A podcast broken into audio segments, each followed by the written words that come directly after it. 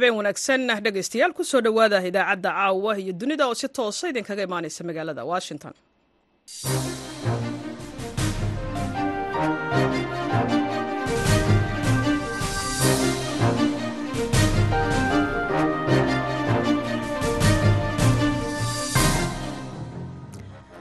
Waa fiidnimo axada bisha agost ee sanadka kana waa waxaad naga dhegaysanaysaan mawjadaha gaagaaban ee lix iyo tobanka iyo mitrban iyo bogga v o a somali com. Afrikada bari saacaddu waa toddobadii fiidnimo.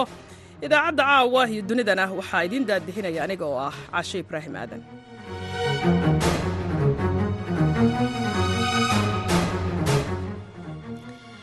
Qodobada aad ku dhegaysan doontaan idaacadda caawana waxaa ka mid ah isbeddel lagu sameeyey maamulka magaalada baraawe kadib khilaafyo muddo soo jiitamayey waxa uu u magacaabay mudane cumar sheekh cabdi shafaanax xilka guddoomiyaha degmada baraawe si ku meel gaar ah.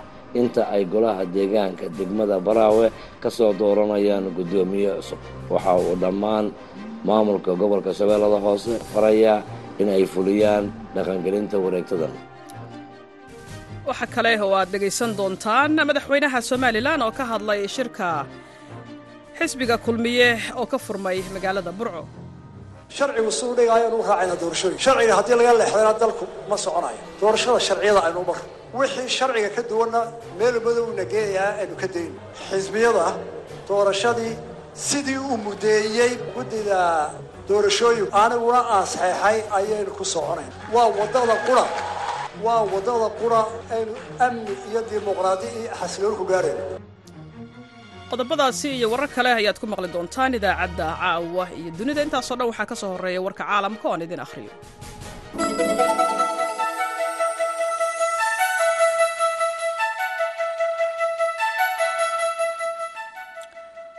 Wasaaradda gaashaandhigga ee dalka britain ayaa axaddan ku sheegtay warbixinteeda maalinlaha ah in ee ku saabsan duulaanka dalka ruushka ee dalka ukrain in ukrain ay si qoto dheer u garaacdo gudaha dalka ruushka iyada oo hoggaanka.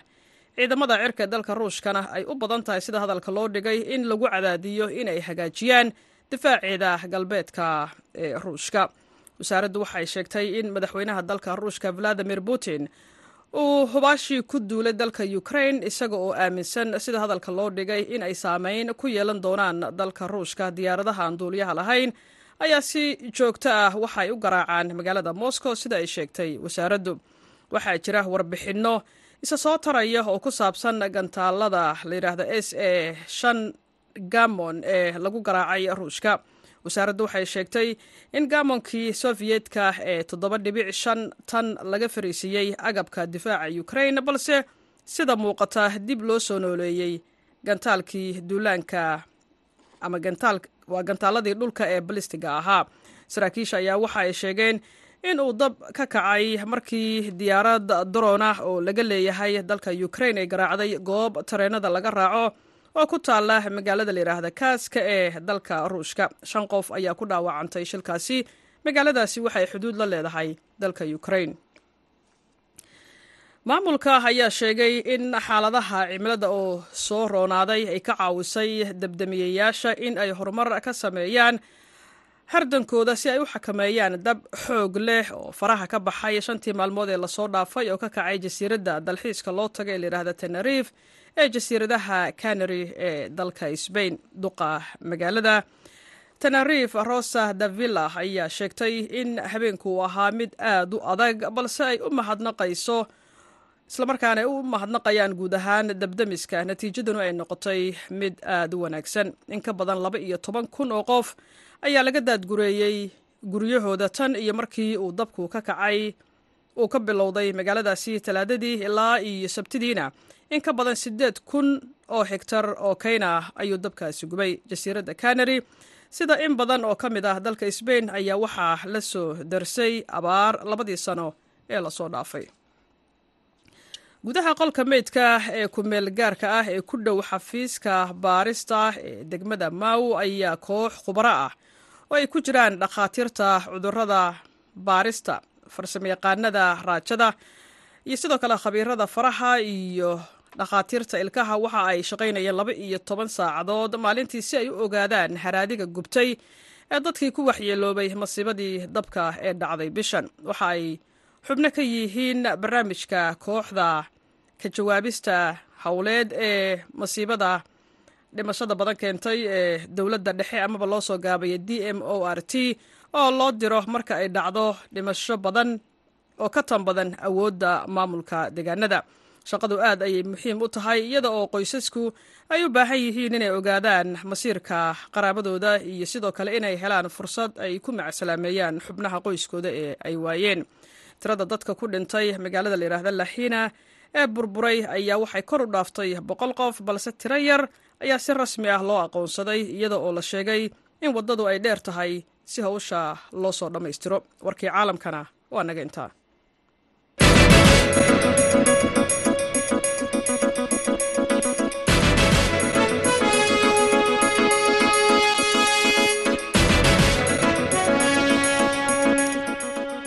kale ayaan hawadeedin ka leenahay habeen wanaagsan. Golaha deegaanka ee degmada marka ee gobolka shabeellada hoose ayaa xilkii waxa ay ka qaadeen guddoomiyihii degmada iyo ku-xigeenkiisii kadib khilaafyo muddo jiitamayey sida ay sheegeen. Goluhu wasaaradda arrimaha gudaha ee maamul goboleedka koonfur galbeed ayaa maamul cusub oo kumeel gaar ah u magacowday baraawe sida uu ku soo waramayo wariyaha v o eda mukhtaar maxamed catoosh golaha deegaanka degmada baraawe ee caasimada koonfur galbeed soomaaliya ayaa xilka guddoomiyaha ka qaaday guddoomiyaha degmada baraawe liibaan abuukar cusmaan iyo ku-xigeenkiisa labaad zahra abuukar cali. Arrintan ayaa timid khilaaf muddo soo jiitamayay oo maamulka magaalada baraawe u dhexeeyey.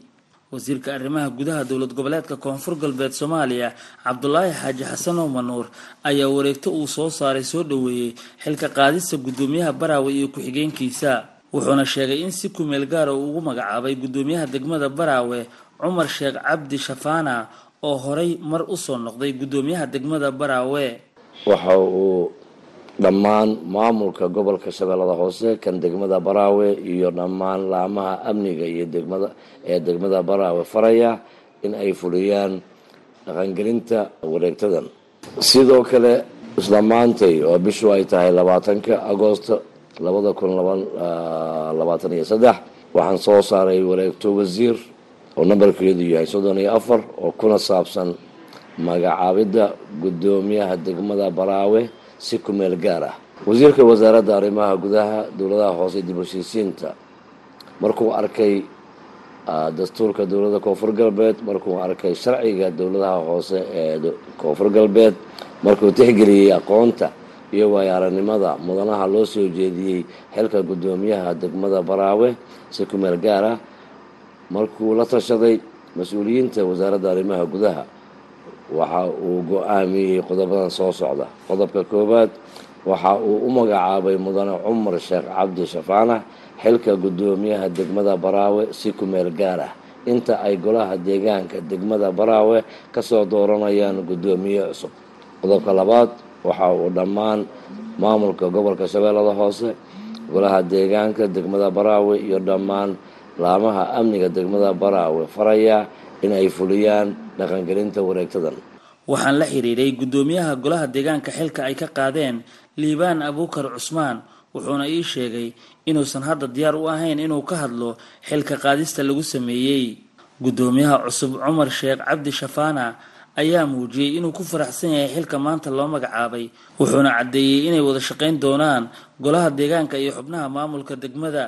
Waxaan aada ugu faraxsanahay annagoo ballanqaadnay in oon la shaqayno laamaha amniga xasilooni siyaasadeed oo magaalada aan ku soo rogno runtii oo weliba macnaa aan ballanqaadayno shacabka bulshada magaalada ku nool inay helaan shaqo dowladeed oo weliba sida loogu talgalay gudoomiye ku-xigeenkii degmada iyo maamulka dhammaan iyo xildhibaanada golaha deegaanka iyagoo wada ah ay runtii u wada shaqayn doonaan hadduu ilaahay karaa noqdo waxaan ballanqaadaynaa annaga inaan noqono geed fadhi waxaan ballanqaadaynaa inaan bulshada qeybahooda kala duwan oo weliba macnaa oo tafaraaruq ay hoogaa yar ay ku dhex jiraan in midnimo aan ka shaqayno shaqadii ugu horey aan qabanayna waxaa ugu horeydo waa inaan maanaa midnimada ee magaalada maanaa xasilooni aan ku soo noqono muddooyinkii ugu dambeeyey khilaaf hareeyey maamulka ayaa ka jiray magaalada baraawe ee caasimada koonfur galbeed soomaaliya.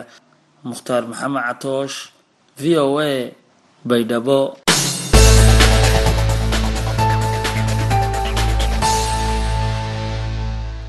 Mar kale habeen axad ah oo wanaagsan. Meel kastoo aad naga maqlaysaan booliiska magaalada jigjiga ee caasimadda ismaamulka soomaalida ayaa sheegay inay soo badbaadiyeen ilmo hadda jira.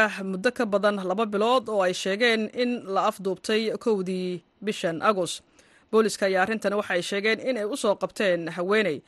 Waxaa la isu keenay hooyadiis wiilkaasi warbixintan waxaa magaalada jigjiga ka soo diray wariyaha v o eda maxamed cabdiraxmaan gaata tan iyo wakhtigaasi wixii ka dambeeyey booliska deegaanka oo kaashanaya bulshada magaalada jigjiga ayaa waxay bilaabeen baadigoobka haweeneyda markaasi lagu eedeeyey inay xadday ilmaha yar waxayna boolisku sheegeen in helidda qoftani lagu eedeeyey inay xadday ilmahan yar ay sahashay. Kadib markii dib loo baaray codsi ay u qoreen isbitaalka riferaalka magaalada jigjiga muuqaalo ay duubtay kamerada qarsoon ee amniga isbitaalka oo ahayd goobtii ilmaha yar laga xaday laba xidigle isaaq xuseen nuur. Waxa uu ka mid yahay waaxda dambi ka hortagga ee booliska xaafadda koy tobnaad. Haddaan ka warbixiya qaabkaan u soo qabannay markaan xaaladan maqalnay waxaan samaynay shirar baan qabannay oo waxa weyan bulshada aan ku wacyigelinayno. Marka waxa weeyaan shalay maqrib waxaa ii yimid gabdho dumar ah oo saddex ah waxay igu yidhaahdeen waxaan aragnay gabadh aanan ilmo iyo wax uur aanan ku ogeyn yaan ilmo ku aragnay. Xaaladda magaalada ka jirtana waan la soconnay. Waxaan eegnay c c camerada waxa weeyaan referaalka waxa weeyaan duubtay qofta ilmaha la baxsatay laafyada markaan aragnina dee qof jaarkaaga ah oo waxa weeyaan socoto socodka marka video lagaa tuso ayadoo socoto waad garan kartaa saa baan u garannay. Marka waxaan doonaynaa adinka ka boolis ahaan inaad waxa weeyaan aad wax ka qabatiin arrinkaa waan raacnay annaga oo waxa weeyaan gabdhaha raacnay marka markaan tagnay xaafadii ee gabadha xaafadeeda aan aragnay yaan gabadha u tagay waxaan ku yidhi walaal waa lagu soo dacweeyey dacwad baa lagaa keenay. Waxay tidhi anu umal baan nahay. Walaal umal aad ahaatidi in yar oo waraysi baan kula yeelinaynaa. Marka xaalad ilmahan aad dhashay ee ilmahan aad umasha ku tahay qusaysaa jirtaan ku nidhi sidii bay nagu soo raacday qabaleegaan keennay qabaleega markaan keennay kulley qofka qofka dumarka ee ilmo dhalay ee umusha ku jirta. Waxaa garan kara dumarka unbaa garan kara. Dumarka weliba qofka hore u soo dhalay unbaa garan kara. Qof dumar oo waxa weye shacabka nala shaqeeya ka mid ayaan u dirnay baadh baan ku nidhi gabadha inay ilmaha maxaa weeyaan ay umusha ku jirta. Iyo in ma garanaysaa waxaan ay ma garanaysaa sheegaysa ay been yihiin. Noo xaqiiji baan ku nidhi annagu sharciga nama faraye noo tijaabi baan ku nidhi oo eeg. Way eegtay gabadhii waxa weye markay meel kasta ka eegtay ilaa qof dumar weeyo ayadu waxa weeyaan ajaanibka ma aha yaa waxa weeyaan noo soo baxday. Waxay tiri qofta caanaha ku yaalla naaskeeda. Waa caano horo oo waxa weeyaan ma aha wax umal lagu yahay maahan gudaha markaan ka eegnayna wax dhiig ma lahan. Marka gabadhi kale ee ilmaha dhashay oo habaanaha joogta ayaan ma garanaysaa yaa la soo qaaday. Halkii rugta booliska ee xaafadda koytoonaad ayaan keennay markaan saa u keennay yaan ku nidhi balgara ilmaha. Saada ilmaha wejigii looga qaaday gabadhi waxa weyan way dhacday. Kolley waa waalid wax dhalay. Waalid wax dhalay ee ilmihiisa ay ka maqan yihiinna. Markuu ilmihiisa arko kolley iska daa qofka dhalay iska daa qofka kale la taagan baa dareenkiisa bedelmaya annaga meesha taagnan dareenkanaga ayaa bedelmay sidii baan waxa weyan ku soo gudbinay.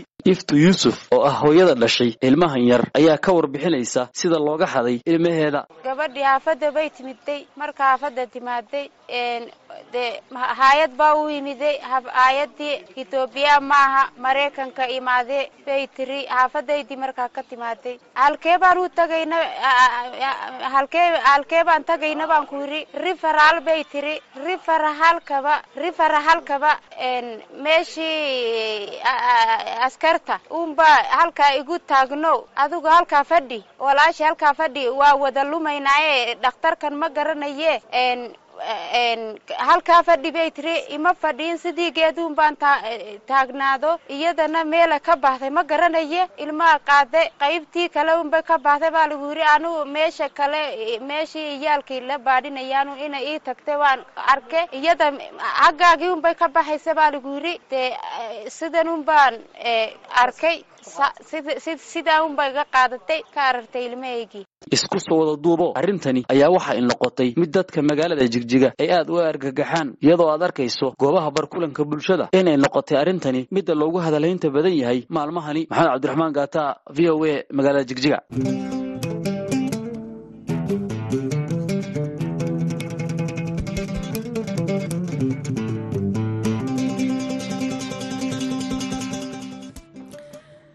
duqa magaalada muqdisho ayaa ka hadlay banaanbaxyo maanta ka dhacay magaalada oo ay dhigeen taageerayaasha sarkaal ay boolisku sheegeen inuu horay uga tirsanaan jiray ciidanka xoogga dalka oo shalay ay qabteen ciidamada amniga kadib iska horimaada dhex maray ciidanka iyo maleeshiyadiisa. Booliska ayaa sheegay in sarkaalkaasi uu halis geliyey amniga hase yeeshee taageerayaashiisa.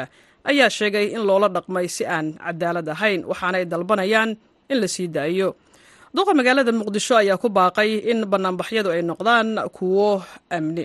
Warbixintan waxaa muqdisho ka soo diray wariyaha v o eda xasan kaafi cabdiraxmaan qoyste.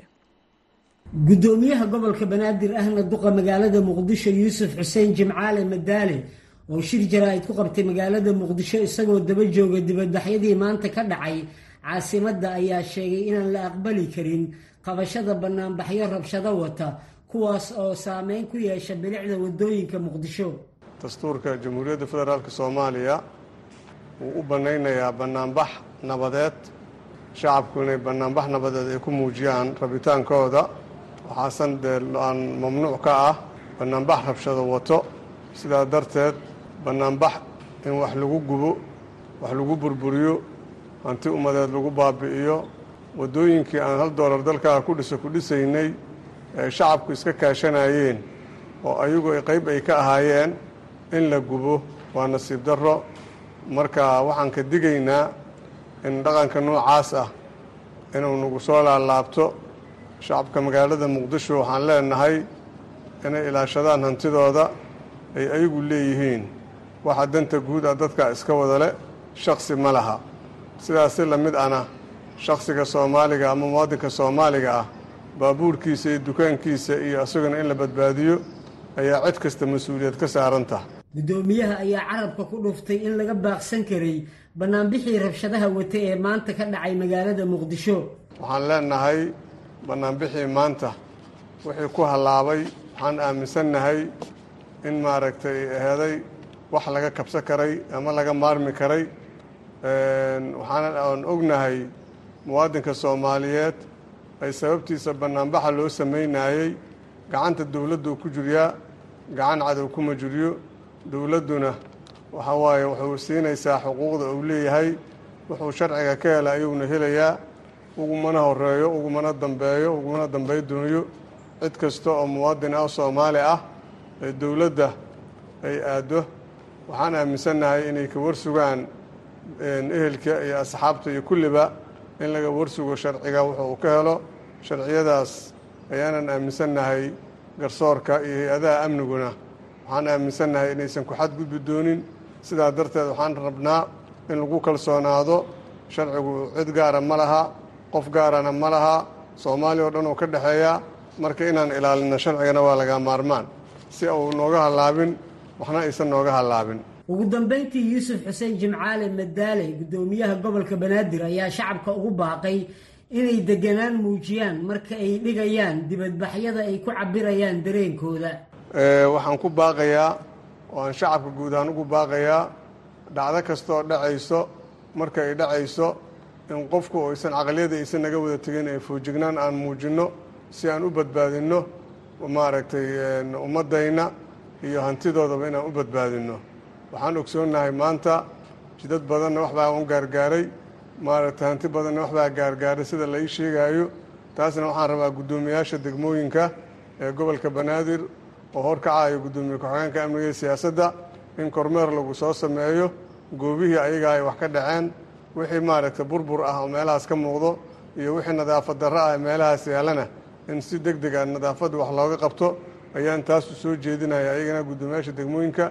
Haddii ilaah yidhaahdo waxaan kaloon leeyahay aan sharciga ku kalsoonaanno aan sharciga sugno wax nooga hallaabi doono ma jiraan. Haddii ilaah yidhaahdo marka cid kastana waxaan leeyahay maaragtay aan u hoggaansanaanno sharciga aan u hoggaansanaanno dowladnimaduna waxay ka wada dhexaysaa shacabka annagay naga wada dhexaysaa inaan ilaashannana annagaa nagala rabaa.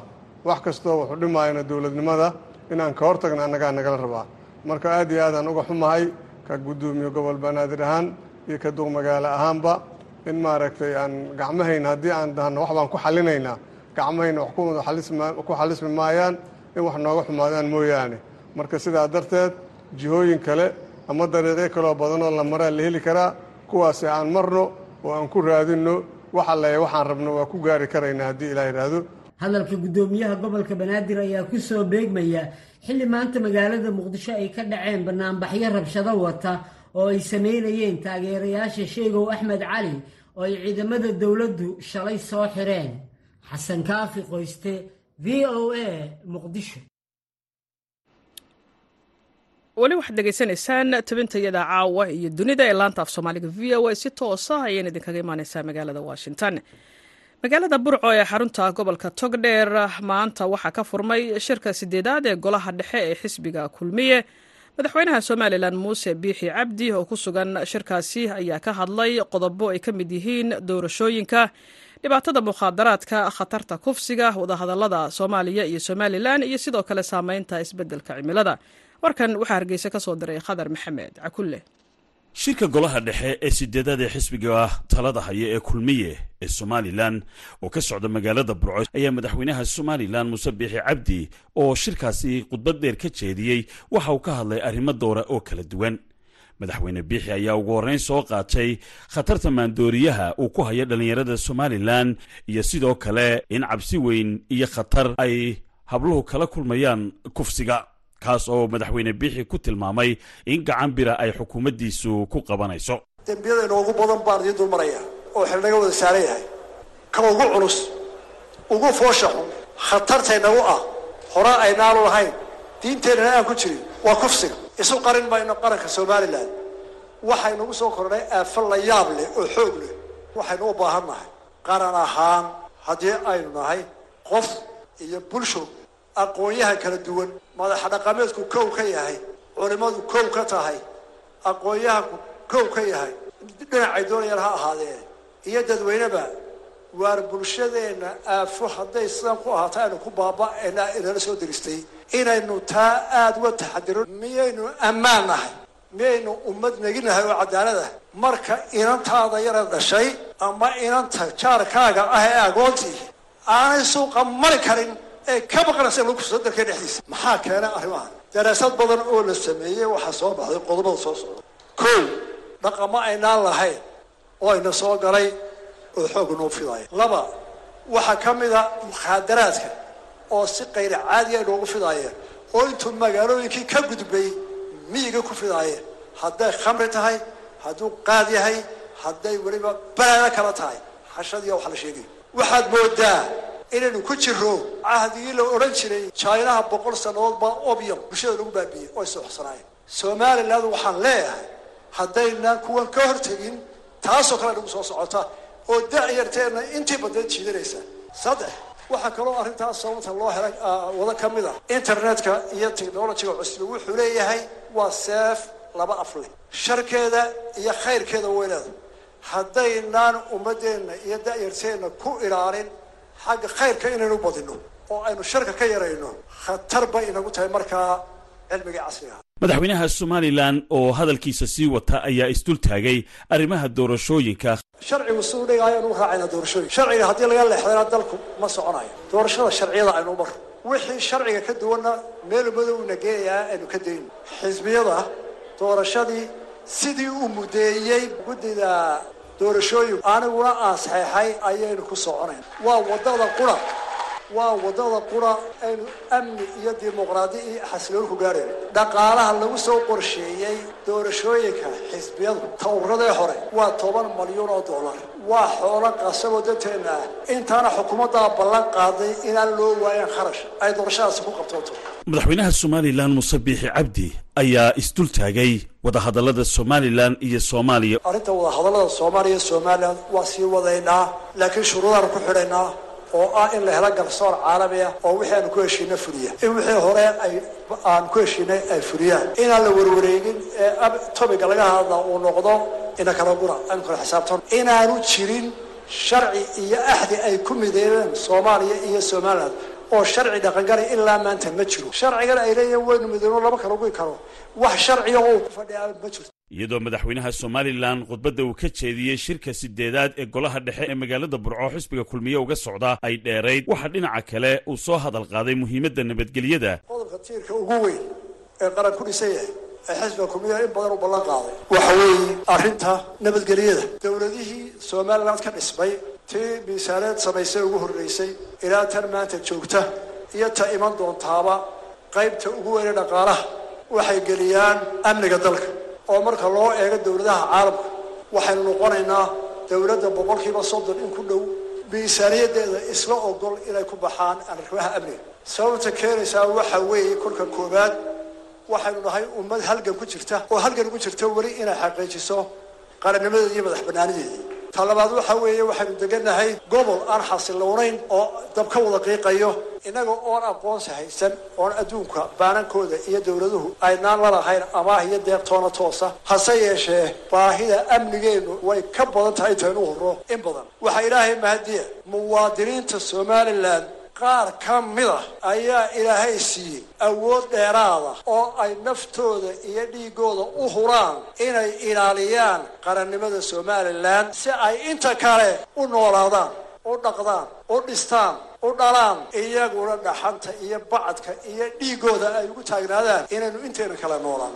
Khadar maxamed cakulle v o a hargeysa mahadsaned khadar dhegeystayaal haatanna waxaad ku soo dhowaataan xubintii wicitaanka dhegeystaha waxaa soo jeedinaya nuur xasan nuur.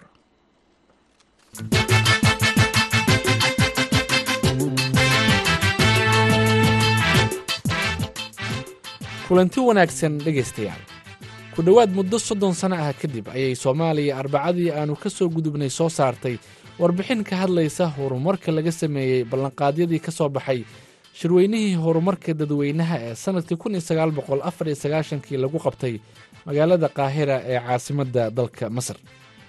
Warbixinta oo ah mid dib u eegis ku samaynaysa horumarka dadweynaha ayaa diiradda saartay dhinacyada caafimaadka waxbarashada qoyska dhallinyarada naafada xoojinta dhaqaalaha iyo qodobo kale. Haddaba maxaa sababay in muddo soddon sano ah ay ku qaadato soomaaliya? Waa maxay caqabadaha ku gadaaman horumarinta dadweynaha maxay yihiin natiijooyinka ka soo baxay daraasaddan sideese horey loogu socon karaa qodobadaasi iyo kuwo kale ayaan ku falanqayn doonaa barnaamijka wicitaanka dhegeystaha ee toddobaadkan. Waxaa marti igu ah sharmaarke maxamed faarax oo ah agaasimaha guud ee hay'adda istatistikada qaranka ee soomaaliya. Waa mahadsan tahay sharmaarke ee ku soo dhowow barnaamijka wicitaanka dhegeystaha ee v o a. Aada iyo aad aad u mahadsan tahay nuur. Waan ku faraxsanahay inaan kaala qeyb galo barnaamijkan adiga mudan sharmaarka bal marka hore faahfaahin naga sii warbixinta aada dhowaan soo saarteen. Warbixintan dhowaan soo saarnay waxay ku saabsan tahay shirweyne caalami ah oo loogu magacdaray horumarka dadweynaha ee qaahira. Kun sagaal boqol sagaashan iyo afartii sebtembar ayaa shirkaas ugu horreeyay oo la qabto. Shantii sanaa mar la qabtaa. Afka qalaadna waxaa lagu yidhaahdaa international conference on population and development i c b d baa loo soo gaabiyaa shirkaas marka hadda soddon sano ayaa labada kun iyo afar labaatanka ka soo wareegi doonta. Marka kiisii lixaad baa la qaban doonaa. Qaramada midoobey ayaa qabanqaabisay markiisi ugu horreeyey ilaa iyo haddana qabanqaabisa boqol toddobaatan iyo sagaal dal baa ka soo qeyb galay. Sagaashan iyo afartii markii hore lagu la qabanayay. Iyo wafuud caalami ah iyo hay'ada rayidka dadka socda kow iyo toban kun bay gaarayeen. Waxaa diiradda la saara oo markaa meesha looga hadlana waxay tahay xiriirka ka dhexeeya horumarka dadweynaha iyo horumarka guud iyo ladnaanta shaksiga ah ahaaneed manaa individual wellbeing ayaa shirkaas looga hadlaa. Marka reportkan marka reportka ugu horreeyey oo ay soomaaliya ka diyaariso ahaa sanad walba actually ama shantii sanaba inaan naqtiin ku sameyno waxqabadkeenii iyo ballanqaadyadii aan qaadnay baa loo baahnaa. Oo markii ugu horreysay marka aan report ka diyaar ama warbixintan aan ka diyaarino. Kuwii hore dowladda way ka qaybgeli jirtay. Xitaa heer madaxweyneha looga qaybgeli jiray marka qaarkood. Ballanqaadyana waa sameyn jirnay laakiin markaana ugu horreysay hay'addii statiskada qarankana waxaa la sameeyey awalka hore kun sagaal boqol iyo lixdankii laga bilaabo wasaaradda qorsheynta ayay hoos imaan jirtay. Hay'adda waxaan sheegayaa iyadoo waaxa statistikada laakiin labada kun iyo labaatanka sharci cusub baa soo baxay. Hay'adda statistikada qaranka lagu dhisay marka mas'uuliyadda marka iska saarnay inaan sanadkan ama tan hadda soo socota labada kun iyo labaatan iyo afarka aan isu diyaarno sidaas oo kale hay'adda statistikada qaranka warbixino mas'uuliyad ka saaran bay dhowr maroo hore u soo saartay oo ugu horeeyo kii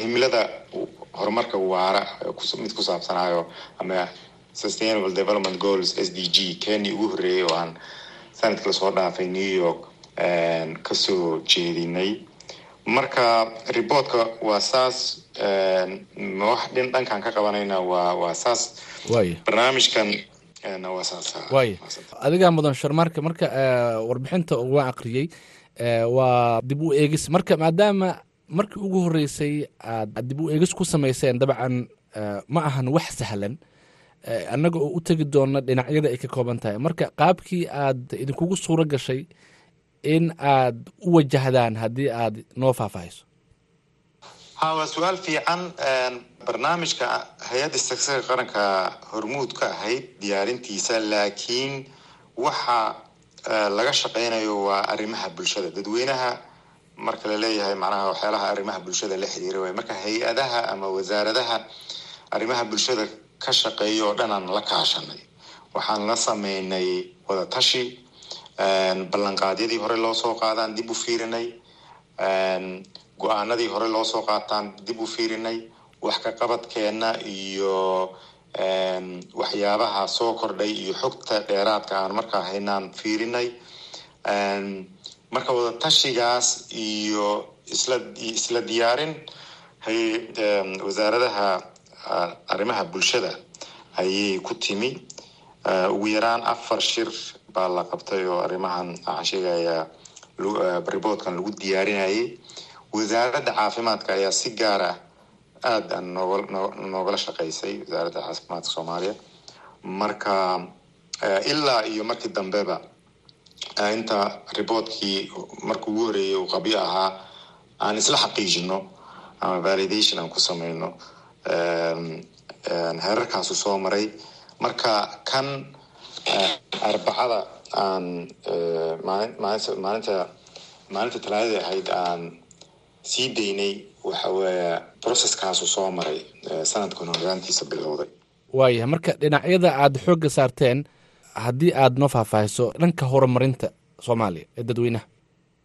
Ha waa su'aal aada u fiican. Marka hore waddan walba arrimaha dadweynaha qeybo muhiim u ah baa jira. Qeybaha marka waddan walba marka waddamada qaarkood dadka waayeelka ku badan xoogooda waxay saarayaan dadkaas waayeelka laakiin soomaaliya marka qeybaha muhiimka u ah waxa waxaa ugu muhiimsan caafimaadka. Caafimaadka oo kale meelaha ay caqabada naga haysato waxaa ka mid ah hooyooyinka markay dhalayaan macnaha ku dhinta. Taasoo tiradooda aad ay macnaha soomaaliya meelaha ay aada ugu badan tahay ay ay tahay. Inkastoo wax laga soo qabtay. Marka tusaale oo kale boqolkii kun ee hooyo oo umusha oo canug nool macnaha dhala. Waagii waxaan sheegayaa mar hore toban sano ka hor waxaa dhiman jiray kun iyo afartan iyo afar. Laakiin hadda horumar baan ka sameynay lix boqol sagaashan iyo labo ayuu marayaa sahankii ugu dambeeyey oo caafimaadka aan ka sameynay lix boqol sagaashan iyo labo naftirkeeda ma aha tiro macnaha waxaan ka wadaa yar ma aha. Dunida marka loo fiiriyo meelaha dadka meelaha ugu liitaan kaga jirnaa marka dhanka caafimaadka saas saasaa loo fiirinaya dhanka dhalinyarada oo kale dhalinyarada soomaaliya aaday u badan tahay. Boqolkiiba konton iyo shan dadka soomaaliyeed waa shan iyo toban jir iyo ka yar. Faa'iidadeeda iyo caqabadaheedaba ay leedahay.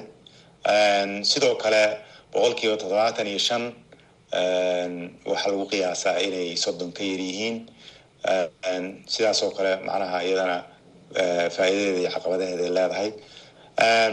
Waxyaabaha kale oo dhanka kale aan reportka ama ama warbixinta aan si gaara ugu fiirinay waxaa ka mid ahaa naafada xagga naafada ama curyaanka. Boqolkiiba adiga sideed ayaa sida loo qeexay ku xiran tahay laakiin soomaaliya sidaan u qeexno boqolkiiba sideed ayaa naafo qaba adeegyo gaaray u baahan yihiin aqoonsi aqoonsi aqoonsiga naftarkiisaaba loo diidan yahay. Meelaha qaarkood waa lagu takooraa. Hay'adda naafada qaranka soomaaliyeed ayaa ayaan xogtan si fiican ugala shaqeynay. Haddana wada shaqeyn fiican naga dhexaysaayo xog xooga badan oo dhankaasa ka soo saari doonaa iyo warbixin dheeraada maadaama meelaha soomaaliya muhiimka ay u tahay ay ka mid tahay. Waxyaabaha kale oo aan fiirinana waxaa ka mid ahaa sinaanta ragga iyo dumarka. Marka saasaan leenahay waxaan ka wadnaa dhanka waxbarashada dhanka caafimaadka dhanka helidda shaqada dhanka helidda adeegyada waxyaala noocaas oo kaleha soomaaliya. Arrimahaasa ugu muhiimsanaa ama jabtarada intaa iyo in ka badan intaan hadda sheegay in ka badanba waxaad ka daalacan kartaan riboortka oo soomaali iyo ingiriisba ku qoran. Waayahay sharmaarka waa mahadsan tahay waxyaabaha aad sheegtay aada ayay muhiim u yihiin. Haddii aan dib u raacno sheekadii uurkutaalada lahayd ee aad hadda xustay ee ku saabsanayd umulraaca soomaaliya runtii waa wax aada iyo aada maaragtay looga naxo in boqolkii kun haween soomaaliyeed ee umulaya in markii hore ay kun iyo xoogaa ka dhimanayeen haddana ay tirada tahay lix boqol. Lix boqol aada ayay u badan tahay. Marka warbixinteenan ma ku hesheen xal u helidda arrintan? Sida xalka loogu heli karo arrimahaas. Aad aad iyo aada umahadsan tahay saa u sheegay hadaayey waa waxa weeye meelaha ugu muhiimsan oo caafimaadkay ahayd. Caafimaadkan waxaa gaar ahaan u sii muhiimsan. Umal raaca. Umal raaca marka meelaha ugu liitaan soomaaliya kaga jirtaa dunida marka ugu dambeysay inkastoo aan si hadaay kuu sheegay aan ka sameynay horumar hadda waxaan maraynaa sagaal boqol sagaashan lix boqol sagaashan iyo labo boqolkii kunba boqolkii kun hooyooyin dhala in lix boqol sagaashan iyo laba ay umulraac ay ay ay ay ay ku dhacdo waxyaabaha marka keena waxaa ugu horreeya nafaqa darro ayaa ugu horeysa waxaa kaloo xiga waxa weeye waxyaaba la xiriira qalliinka. Waxaa kaloo xiga complications ama caqabado la xiriira uurka oo iyagana jira. Waxyaabaha kaloo aadka iyagana muhiimku ah waxay tahay in macnaha xarun ay ku dhalaan inay ka fog tahay meelaha qaarkood. Marka inta qofka loo soo wado ama waxaa laga yaabaa inuu qaliin u baahan yahay ay hooyada u baahan tahay ama baahan tahay daryeel kaloo gaar u ah waktiga umusha waxyaalahaasna aysan ka heli karin. Markaas miyiga ay joogtay ama tuulada ay joogtay meeshii ay ka heli lahaydna ay ka fog tahay. Marka wasaaradda caafimaadka iyo dowladda iyo hay'adaha aan iskala kaashano waxyaabaha hadda inta aan sheegayba waxyaabaha ay aad inay wax uga qabtaan ayay ka mid tahay. Si tiradan loo yareeyo markaan soo koobo intaasa u sabab ah. Waa garta. Waa mahadsanta sharmaarka igu jir khadka kaalintii dhegeystayaasha ayaan geli doonaa dhegeystaha ugu horreeya ayaan jeclahay inaan soo dhoweeyo v o a soomaali waad mahadsantihiin magacaygu waa maxamed cali oo jooga magaalada baydhabo. Agaasime sharmaarke waxaan jeclaan lahaa inaan weydiiyo. Maxaad caqabado ah oo aad kala kulanteen intii aad ku guda jirteen soo saarista warbixintan dhinaca sinaanta caafimaadka iyo waxbarashada ragga iyo dumarka. Mahadsanidin ha maxamed marka hore wuu mahadsan yahay. Hadaayo wataan sheegay waxyaalaha sinaanta ragga iyo dumarka weliba macnaha dhanka waxbarashada iyo caafimaadka waataanba daaya taabtay. Riboortka si fiican ayuu uga waramayaa xogtaan hayno waxa weeye in weli dhanka waxbarashada gabdhaha ay macnaha ay ku yar yihiin inkastoo boqolkiiba konton ama ka badan ay yihiin bulshada guud ahaan in ay waxbarashadooda macnaha tirado tirada waxbarashada ay aada ugu sii aada ugu yar yihiin sidoo kale adeegyada caafimaadka ha noqoto tegitaan ha noqoto awoodid ha noqoto ay iyagana ay ka yar yihiin labadaba marka warbixinta waxa weeye way way way ku waa waanu kaga hadalnay. Marka weli howl howl fiican baa laga qabtay waxyaalo badan oo laga macnaha guul laga gaaray baa jirta laakiin wax badan baa inoo dhiman marka soomaaliya la fiiriyo dhankaas. Waaya marka caqabadaha guud intii aad warbixintan ku guda jirteen qiimeynta ah dhinacyadii aad fiiriseen haddii aad noo soo koobto? Caqabadaha horta hore guud waa tii baan haddaayay macnaha aan guud ahaan ku dulmaray. Waxa weeya soomaaliya aan u fiirino dhinac dhinac wanaagsanna waxa weeye waa u fiirinaynaa. Dhinac kalena caqabadaheedana waa u fiirinaynaa. Soomaaliya boqolkiiba konton iyo shan shan iyo toban jir bay ka yaryihiin marka adeegyo ku filan oo dhanka waxbarashada dhanka caafimaadka dhanka koriinkooda inaan u haysano ayaa loo baahan yahay. Sidoo kale boqolkiiba todobaatan iyo shan waxa weeye soddon bay ka yaryihiin inta marka shan iyo toban ilaa iyo soddon udhexaysa naftirkooda waxay u baahan yihiin shaqo waxay u baahan yihiin waxyaabo badan oo baahiya ayay qabaan. Marka dhanka kalena laakiin marka laga fiiriyo waxa waa waa waa xoog xoog bay soomaaliya haysataa oo ay ku xisaabtami karto mustaqbalka.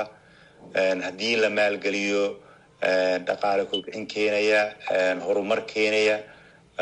Wadamada dadka markay maalgashanayaan ama horumar laga fikerayo waxaa laga fiiriyaa da-dooda. Marka hadda boqolkiiba lixdan lixdan iyo shan jir inta ka weyn soomaaliya boqolkiiba saddex keliya weeye. Marka loo fiiriyo japan waa boqolkiiba soddon marka soomaaliya dhankaas oo kale marka faa'iiday ku qabtaa sidii markaa xooggaas ay uga faa'iidaysan lahayd ayaa macnaha ayay ku xiran tahay. Marka waa wax horumar lagu gaari karo laakiin hadda caqabadeeda leh. Marka sharmaarka maxaa faa'iide ah oo ugu jira soomaaliya shirweynihii qaahire ee kun iyo sagaal boqol afar iyo sagaashankii ee horumarinta dadweynaha? Soomaaliya laba faa'iido horta ugu jirtaa faa'iido faa'iidooyin guud oo dunida aan la wadaagnaa jirta iyo faa'iidooyin soomaaliya gaar u ah jira. Faa'iidada marka dunida aan la wadaagno waxay tahay shirkan caalamiga ah waa shir bulshada caalam caalamka ay ka samayso isfahan ka gaarto wax ka qabashada korarka dadweynaha. Weeye marka hore marka in dunida marka ay isla fahanto naftirkeeda oo annagana aan qeyb ka nahay dee waxaa noogu jira faa'iido weyn ayaa noogu jira. Faa'iidooyinka kale oo gaarka soomaaliya u ah waa markii ugu horreysay horta aan soo ay soomaaliya ay warbixin ka diyaariso. Marka soomaaliya in la arko oo warbixinteeda la dhegeysto waxa weeye macno gaaray u leedahay. Ina macnaha waddan burbur iyo iisheeg colaad ka soo kabsanayaan nahay oo dowladdoodii macnaha inay in la arko taana waxa weye waa faa'iido. Faa'iido sidoo kale taa la mid ah waxa weeye in soomaaliya in awoodeeda dhanka in waxan ay ka bixi karto oo ay soo qori karto oo ay diyaarin karto oo ay khubaro leedahay inay muujiso naftirkeeda macno gaaray soomaaliya ay u leedahay iisheeg waa wax halkaa intaas meesha ka maqnaa weya faa'iidada kale oo aad iyadana muhiimka u ah waxay tahay in aan macnaha barnaamijkan waxyaalaha loo sameynaya waxay tahay iskaashi. Inaan iskaashi ka sameyno waxyaabaha annaga gaarka noo ah oo haddaaya aan ka hadlay in badan oo caafimaadka naafada arrimaha la xiriiro oo dhan. Macnaha annaga gaarka inoo ah inaan iskaashi ka sameyno iskaashi waxaa lala sameynayaa dowladaha caalamka ah hay'adaha caalamka ah a u u n. Waayahay marka sharmaarke soomaaliya waa wadan ballaaran waxyaabaha aada xoogga saarteen ee warbixintiina xoogga saartay ee dhinacyadaasi taabanaya dhalinyarada naafada sinaanta waxbarashada iyo caafimaadka ee ragga iyo dumarka iyo maaragtay waxaasoo dhan oo waxyaabihii ku tacalluqay horumarinta aadanaha. Soomaaliyana waxaan ognahay in uu yahay dal hadda soo kabanayo oo dagaalo sukay ay aafeeyeen. Kaabayaasha dhaqaalaha ayaa dunsan. Caafimaadka maaragtay ma jiro caafimaad dadweynaha caamimi kara u wada qeybsama oo ay dowladda bixiso oo bilaash ah. Waxbarashadii maaragtay waan la soconnaa heerkeeda. Marka maxaa idinkaga soo baxay sidee lagu horumarin karaa horumarinta dadweynaha guud ahaan? Ha horta waxaan rabaa wax yar inaan nuur ku saxo. Hay'adda istatistikada qaran siyaasadda ma dejiso. Xaaladda guud unbay ka warantaa maxaan maraynaa dhanka imisa macnaha waxbarat waxbarataa imisa dumara imisa raga. Laakiin markay noqoto in wixii siyaasad loo dejiyo hay'adaha ku shaqa leh oo wasaaradaha ku shaqa leh baa sameeya.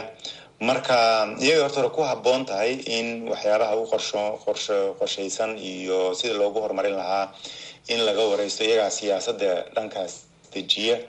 Laakiin annaga waxaan sameynayna waxay tahay xaaladda xaaladahaas iyo waxyaabaha aan ballan qaadnay iyo calaamadahaas meesha aan ka marayno inaan reportkan ku soo koobno intaa weye kadib ayaa ama ballanqaadyadii aan galnay meesha aan marinayno saas wey marka aniga hadda kama hadli karo waxyaabaha ku habboon inaan macnaha sharciyanba iima ogola iima ogola. Waxaana xog soo saarid weya shaqadeena intay ku eg tahay hay'adaha siyaasadda ayaa ku shaqa leh siyaasad dejinta. Hay'adda istatistikada qaranka oo kale waxay soo saartay xog sheegaysa nafaqada ama cuntada ama waxbarashada ama caafimaadka. Annaga markaa soo saaridaasaan ku egnahay iyo qiimeynteeda hadhow laakiin barnaamijyada iyo hay'ad iyo siyaasad dejinteeda waxaa iska leh hay'adaha fulinta ama wasaaradaha iska leh. Waayahay ugu dambeyntii maadaama xafiiskaada arrintani qusayso tirada dadka soomaalida tirakoobkeeda maxaan ka ognahay goorma ayaase la rajaynayaa in la tirakoobo shacabka soomaaliyeed guud ahaan. Aad iyo aad u mahadsan tahay. Waa su'aal aada u fiican. Waxaan sanadkan may labadeeda daahfurnay tirakoobka dadweynaha soomaaliyeed qorshihiisa. Marka qorshihii baan hadda ku jirnaa waxaa la filayaa sida hadda inoo qorshaysan labada kun shan iyo labaatanka inaan tiro koobno dadka soomaaliyeed. Marka qorshahana hadda meel fiican buu marayaa. Daahfurkiisana waataad nala joogteen. Haddii aad adinkana waxaad ka qorteen. Marka hawshii waxaa qorsheyntiisii baa ilaa hadda lagu jiraa. Laakiin hadda waxaa inoo qorshaysan labada kun iyo shan iyo labaatanka in waktiga dadka la tiro koobayo marka howlo badan oo ka horeysa oo diyaar garow ah ayaa jirta oo laba sano qaadata tii baan hadda ku guda jirnaa aad iyo aad ayuu u mahadsan yahay. Kaasi wuxuu ahaa sharmaarke maxamed faarax oo ah agaasimaha guud ee hay'adda istatistikada qaranka ee soomaaliya. Wuxuu marti igu ahaa barnaamijka wicitaanka dhegeystaha ee toddobaadkan. Waxaan jeclahay inaan u mahad celiyo dhegeystayaashii barnaamijka ka qayb galay tan iyo toddobaadka dambena waxaan idinku dhaafayaa sidaa iyo nabad gelyo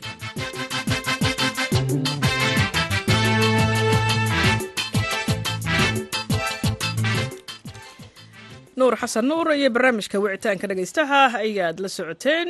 Halka uu idinkaga imaanayana waa laanta af soomaaliga v o a oo si toos ah aad uga dhegeysanaysaan ama idinkaga imaaneysa magaalada washington hogaamiyaasha maraykanka jaban iyo kuuriyada koonfureed ayaa shir madaxeedkoodii jimcihii ku soo gebagabeeyey beerta uu ku nasto madaxweynaha maraykanka ee camp david ee ku taala duleedka washington d c. Shirkan ayaa waaxdu ayay madaxdu raalli ahaada waxa ay ku doonayeen in ay ku xoojiyaan isbahaysiga saddex geesoodka ah ee ay leeyihiin. War-saxaafadeedka ka soo baxay ayay diiradda waxay ku saareen hanjabaadaha kaga imaanaya shiinaha iyo kuuriyada waqooyi. Warbixintan oo dheerayd oon idiin soo gaabiyo ku soo dhowaada. Dhammaanteen waxaan go'aansannay in aan si dhaqso leh isugu tashanno si aan uga jawaabno hanjabaadaha loo jeedinayo mid ka mid ah waddamadeenna meel kasta oo ay ka timaado madaxweyne jo biden ayaa yidhi isaga oo ay weheliyaan madaxweynaha kuuriyada koonfureed yoon suk yool iyo ra'iisul wasaaraha jabaan fomino kishida mar ay si wada jira shir jaraa'id u qabteen gunaanadkii shirweynaha.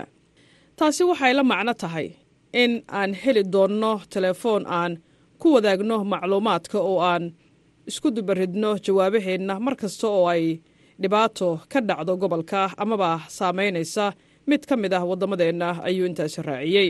Isagoo aan sheegin shiinaha ayuu madaxweyne jo biden waxa uu sheegay in hogaamiyaashu ay dib u xaqiijiyeen in ay ka go'an tahay in la ilaaliyo nabadda iyo xasiloonnida marinka taiwan oo ay wax ka qabtaan jajuubka dhaqaalaha taas oo ah dhaqan ay washington ku eedeysay xukuumadda bejiin inay u samaynayso hadafyadeeda siyaasadeed. Xornimada iyo nidaamka caalamiga ah ee xorta ah oo furan ee ku salaysan sharciga ayaa ku jira xiisad. Sidaasi waxaa yidhi kashida isaga oo tilmaamaya eedda dullaanka ruushka ee dalka ukrain sii wadidda hanjabaadaha nukliyerka iyo gantaalaha kuuriyada waqooyi iyo sidoo kale siduu hadalka u dhigay iskuday hal dhinac ah oo lagu doonayo in lagu bedelo xaaladda hadda jirta si xooga ee badaha bariga iyo koonfurta shiinaha.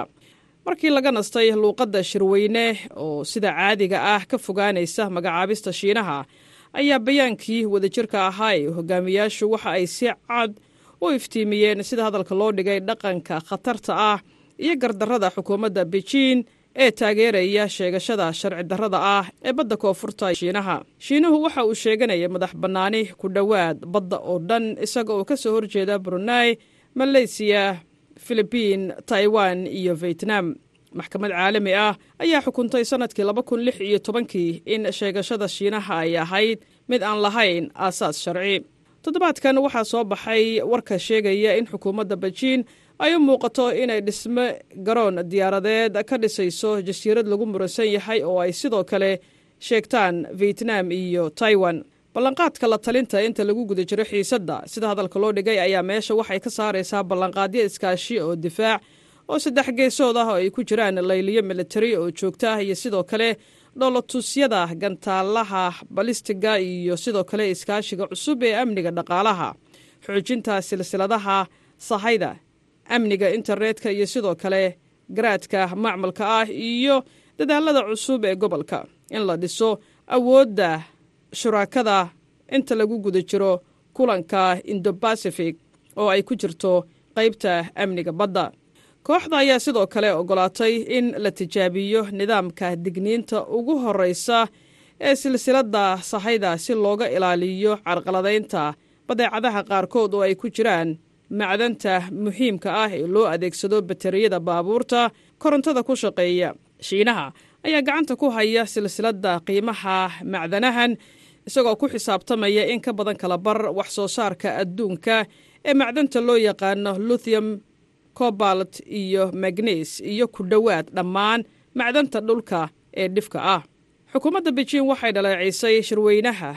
Iskudayga xukuumadda washington ee ah in aasiya basifig uu u rogo sida hadalka loo dhigay goobta legdinta ee tartanka juqraafiyadeed gobolka aasiya basifig waa dhul rajo leh oo loogu talagalay nabadda iyo xasiloonnida iyo iskaashiga iyo horumarka.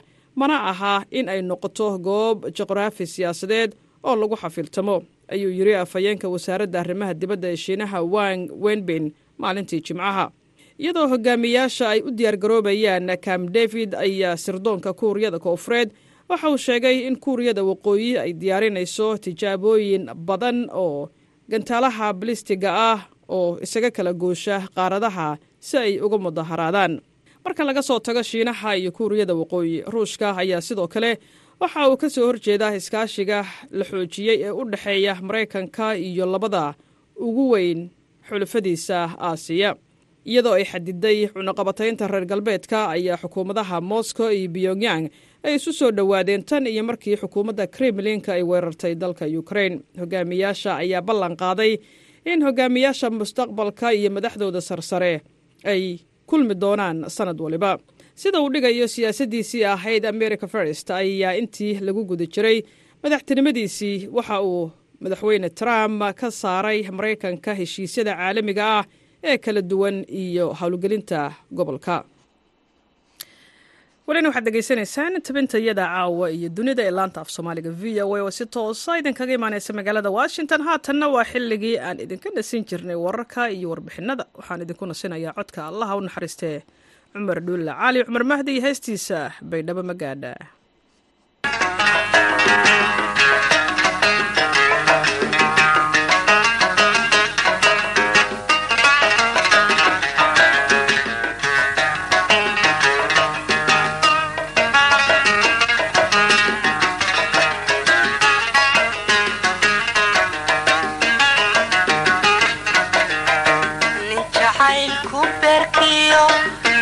jaray bogiiso badi doonabano waan kula ballamira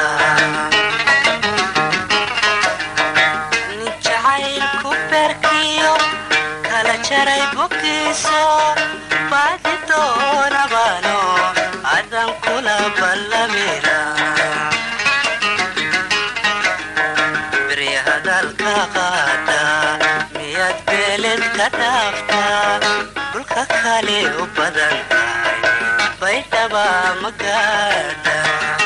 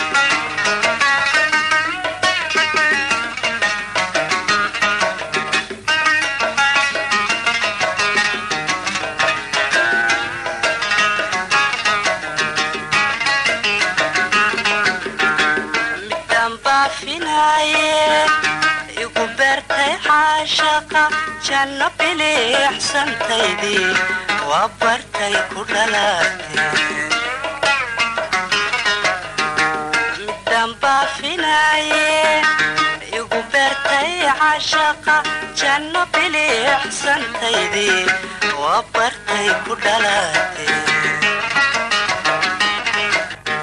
beri hadalka qaada miyaad beeled kan dhaaftaa dhulka kale u badan tahay baydhaba magaadha baydhaba magaadhaah iyo codka allah u naxariistay cumar dhulle cali ayaan ku soo gabagabaynaynaa baahinteennii caawa iyo dunida ee laanta af soomaaliga v o a. Waxaa idinla socodsiinaysay caashe ibraahim aadan. Dhinaca farsamada waxa uu ahaa maxamed cabdi xasan sandheere intaan mar kale kulmayno nabadgelyo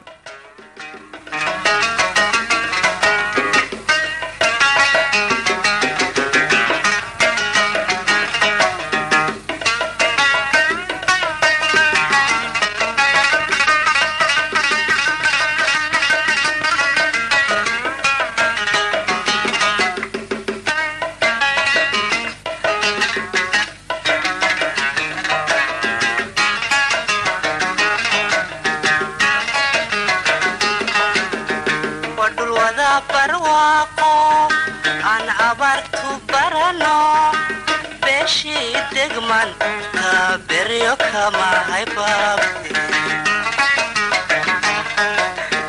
wadhul wada barwaaqo aan abaartu barano beeshii degmagta beryo kama hayaante beri hadalka qaada